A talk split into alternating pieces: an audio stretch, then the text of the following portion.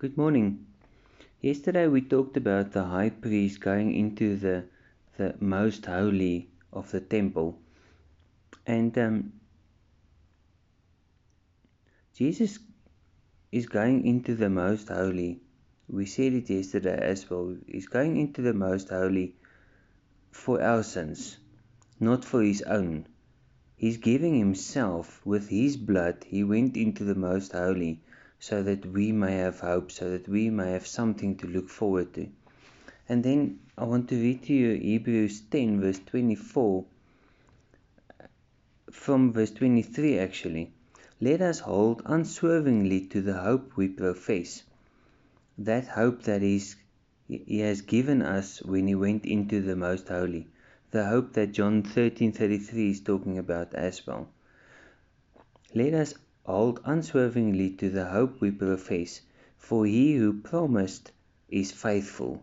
God is faithful. God is always faithful. And then verse 24 And let us consider how we may spur one another on toward love and good deeds. Let us not give up meeting together, as some are in the habit of doing, but let us encourage each other, and all the more as you see the day approaching, the, the day that Jesus is coming again. That is, that is what we're looking forward as Christians. That is, that is what we are, are there. That, that is what Jesus died for us for.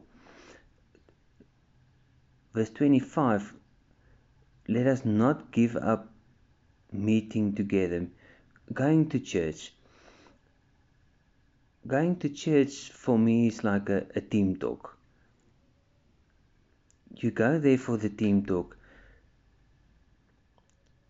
and then you go out and you go and play the game for the week.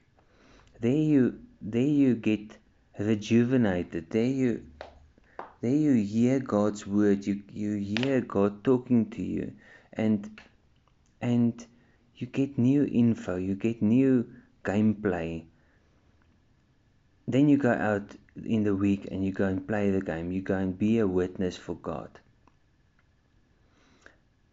There you also spur one another on to love and to do good things.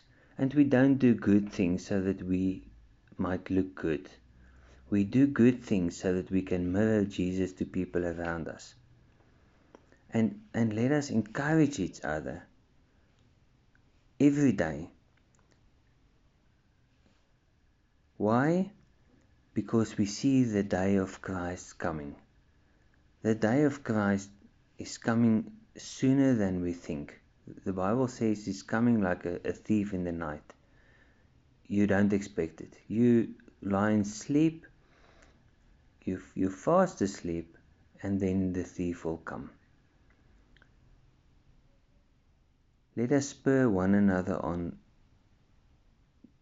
to love and good deeds. Let's pray. Father, thank you so much for this. Thank you for your word that we can learn from it. And Lord, thank you that Jesus died for me on the cross. Jesus is my high priest. He went and he, and he spilled his own blood so that I may have hope. Lord, thank you so much for this. Help me to be an inspiration to people around me to love each other, to do good things so that you may be glorified.